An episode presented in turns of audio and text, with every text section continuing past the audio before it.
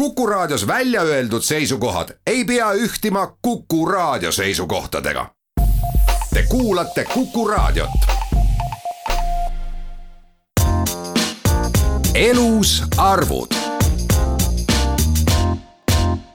tere hommikust, hea Kuku raadio kuulaja, seekordses Elus arvud rubriigis räägime põllumajandusest, täpsemini siis põllumajandusstatistikast.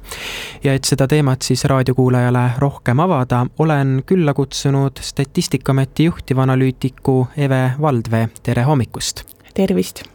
põllumajandusstatistika, see ju annab ülevaate olukorrast siis nii taime- kui ka loomakasvatuses, piima kasutamises, mahepõllumajandusest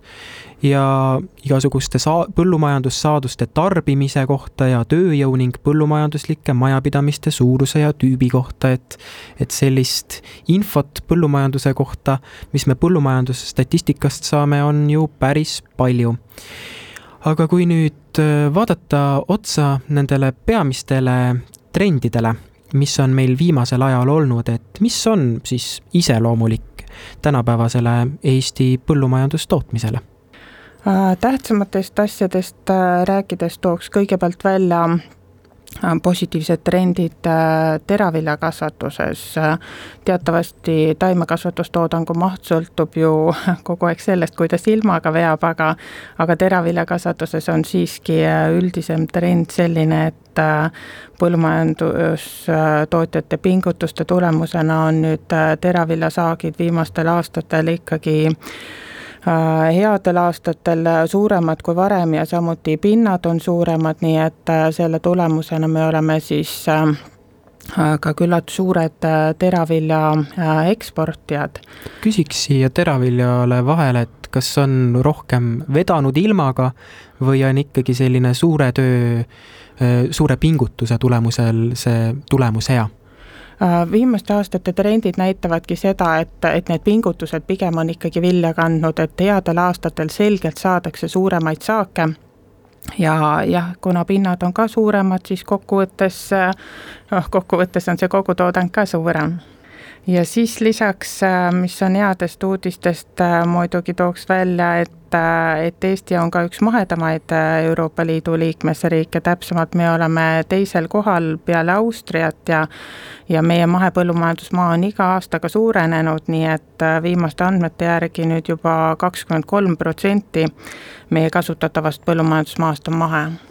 kui nüüd vaadata viimaseid andmeid, mis äh, hiljuti tulid just nimelt põllumajandusloenduse kohta, et siis sealt selgub, et põllumajandust iseloomustab koondumine kontsernidesse ja osaajatöö. et mis veel meil põllumajandusloenduse andmetest selgub? Äh, jah, põllumajandusloenduse andmed näitavad, et äh, meil on siis veidi üle üheteistkümne tuhande Euroopa Liidu äh, definitsioonile vastava äh, põllumajandusliku majapidamise ja ja nende arv on äh, viimase kümne aastaga päris oluliselt, kuskil umbes veerandi võrra vähenenud just väikeste majapidamiste osas ja, ja eelkõige just piimanduse ja aianduse osas ja tõesti, tootmine samal ajal ei ole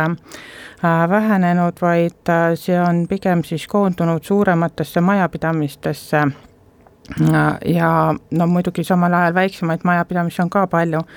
Aga jah, see, mis veel huvitav on, on siis see, et lisaks sellele suurele koondumisele on siis meie majapidamiste hulgas juba üle kolmesaja 300 Äh, ettevõtte selliseid, äh, kes äh, kuuluvad ka ettevõtete gruppidesse ehk siis kontsernidesse. Ja sealhulgas on siis nii Eesti kui ka välismaa kontrolli all olevaid kontserne kui vaadata nende kontsernide tegevusalasid, et mis on see peamine tegevusala, millega Eestis olevad põllumajanduskontsernid tegelevad? Äh, no ähm, kontsernide osatähtsus on äh, muidu päris suur Eesti põllumajanduses, umbes kolmandik, aga kui vaadata jah, et äh, mis nende valduses siis täpsemalt on, siis siis umbes viiendik meie Eesti kasutatavast põllumajandusmaast ja umbes kolmandik veistest ja ja just suur osatähtsus on neil sigade ja lindude osas kui siit minna natukene, siin tuli, mainisite ka piimanduse valdkonda ja ja üks selline päris palju emotsioone tekitav teema on olnud piima hind ja siin on selle madala hinna tõttu küll on põllumehed äh, streikinud, äh, kunagi aastaid tagasi käidi isegi piimavanne võtmas ja nii edasi. et äh, kui vaadata sellele piima hinnale otsa, et mis on siis see põhjus, miks see nii palju emotsioone tekitab? jah, piim on meie põllumajanduses väga oluline teema, see annab ju veerandi meie põllumajandustoodangu Äh, väärtusest ja, ja paraku tõesti on nii, et äh, piima kokkuostuhind on äh, viimasel ajal nii madal, nii et see juba selgelt ka ohustab meie tootmismahtusid ja see, mis ilmselt siin rohkem just tähelepanu äratab, on see, et et meie piima kokkuostuhind on ka Euroopa Liidus üldse üks madalamaid, kui märtsikuud. Näiteks vaadata, siis ainult Lätis ja Portugalis oli see veel madalam aga tegelikult äh, ka sealiha kokkuostu äh, hind on viimasel ajal madal olnud just eelkõige Lääne-Euroopas äh, levima hakanud seakatku ja sellest tingitud hinnalanguse tõttu, nii et et eks neid hinnaprobleeme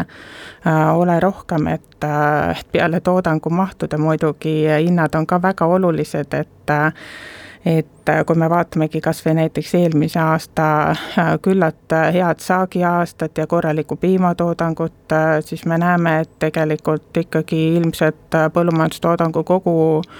väärtus tuleb jällegi mõned protsendid madalam ja, ja samas, kuna kulud on kõrgemad, siis kokkuvõttes ka see ettevõtja tulu jääb jälle väiksemaks. mis võivad need tagajärjed olla, kui hinnad on ebamõistlikult madalaks jäänud? Meil on, praegu on äh, piimatoodang äh, iga aastaga aina suurenenud, samas noh, piimalehmade arv on äh, vähenenud, aga jah, see toodangu suurenemine on tulnud just selle arvelt, et et piimatoodang lehma kohta on suurenenud, me muidu olemegi juba Euroopa Liidus peale Taanit oma lehmade produktiivsusega üks üldse kõige võib öelda paremaid tootjaid, et et eks see oht on muidugi selles, et, äh, et äh, kui see hind ikkagi nii palju madal on, siis vastavalt ka need tootmismahud vähenevad, me avaldasime mõni aeg tagasi esimese kvartali andmeid ja ja jällegi on piimalehmade arv on vähenenud, nii madal ei ole see kevadel siin esimeses kvartalis veel kunagi üldse Eestis olnud kui siit minna edasi isevarustatuse teema juurde, ehk siis see, et kas meie riik toidab ennast äh, ise ära, milline seis meil on isevarustatusega just nimelt viimastel andmetel? Näiteks äh, teravilja ja piimatooteid me suudame toota nii, et meil äh, jätkub seda ka ekspordiks, äh, näiteks kui me räägime värske piimatoodetest, siis me tarbime nendest umbes kaheksakümmend protsenti ja juustust ja kohupiimast veidi isegi alla seitsmekümne protsendi, mis tähendab seda, et ülejäänud me saame eksportida. samuti eksporti läheb arvestatav osa meie toorpiimast, aga kui me vaatame näiteks kartulit või köögivilja või puuvilja, siis paraku me peame tõdema, et me sööme päris palju importkartulit ja üle poole meie söödavast köögiviljast ja paraku ka enamus äh, puuviljast on tegelikult ju välismaist päritolu. Ja liha osas on isevarustatus meil viimaste andmete järgi seitsekümmend neli protsenti, munadega viiskümmend üks, nii et äh, et äh, ikkagi jah, sööme paraku, paraku importpõllumajandussaadusi, aga tahaks siia juurde rõhutada, et see kuidagi ei näita meie tootmispotentsiaali, et äh, see on ikkagi selgelt seotud ainult selle praeguse konkreetse turuolukorraga, et meie põllumehed äh, konkureerivad väga selgelt kõigi teiste riikide põllumeestega, kus on suuremad põllumajandustoetused ja ja paraku siis saadakse muidugi oma kaupa ka odavamalt pakkuda seega tasub meelde tuletada soovitust, et eelistagem ikka eestimaist. Elus arvud